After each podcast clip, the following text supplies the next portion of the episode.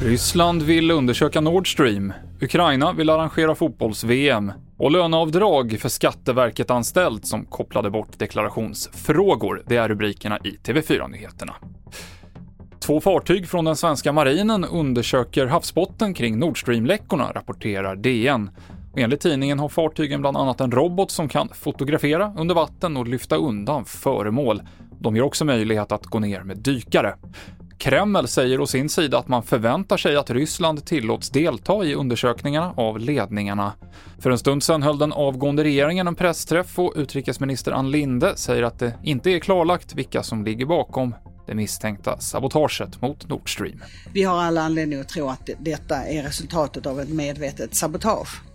I konsekvensplaneringen analyserar vi naturligtvis detonationerna och läckagen på Nord Stream i ett bredare säkerhetspolitiskt sammanhang.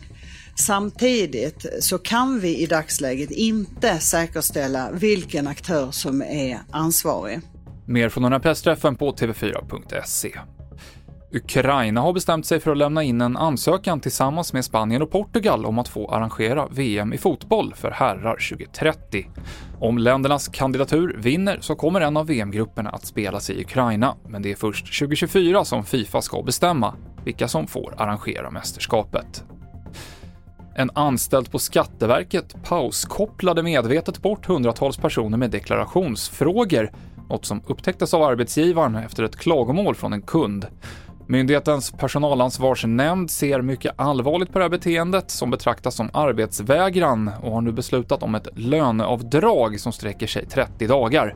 Den anställda får behålla jobbet eftersom han ändå utförde andra arbetsuppgifter medan han pausade samtalen. Och en av 90-talets mest populära sitcoms återvänder till rutan. Det är Frasier som ska få nytt liv, rapporterar Deadline. Enligt sajten ska den nya säsongen utspelas i en ny stad istället för Seattle och med nya rollfigurer, förutom titelkaraktären som spelas av Kelsey Grammer. TV4-nyheterna i studion idag, Mikael Klintevall.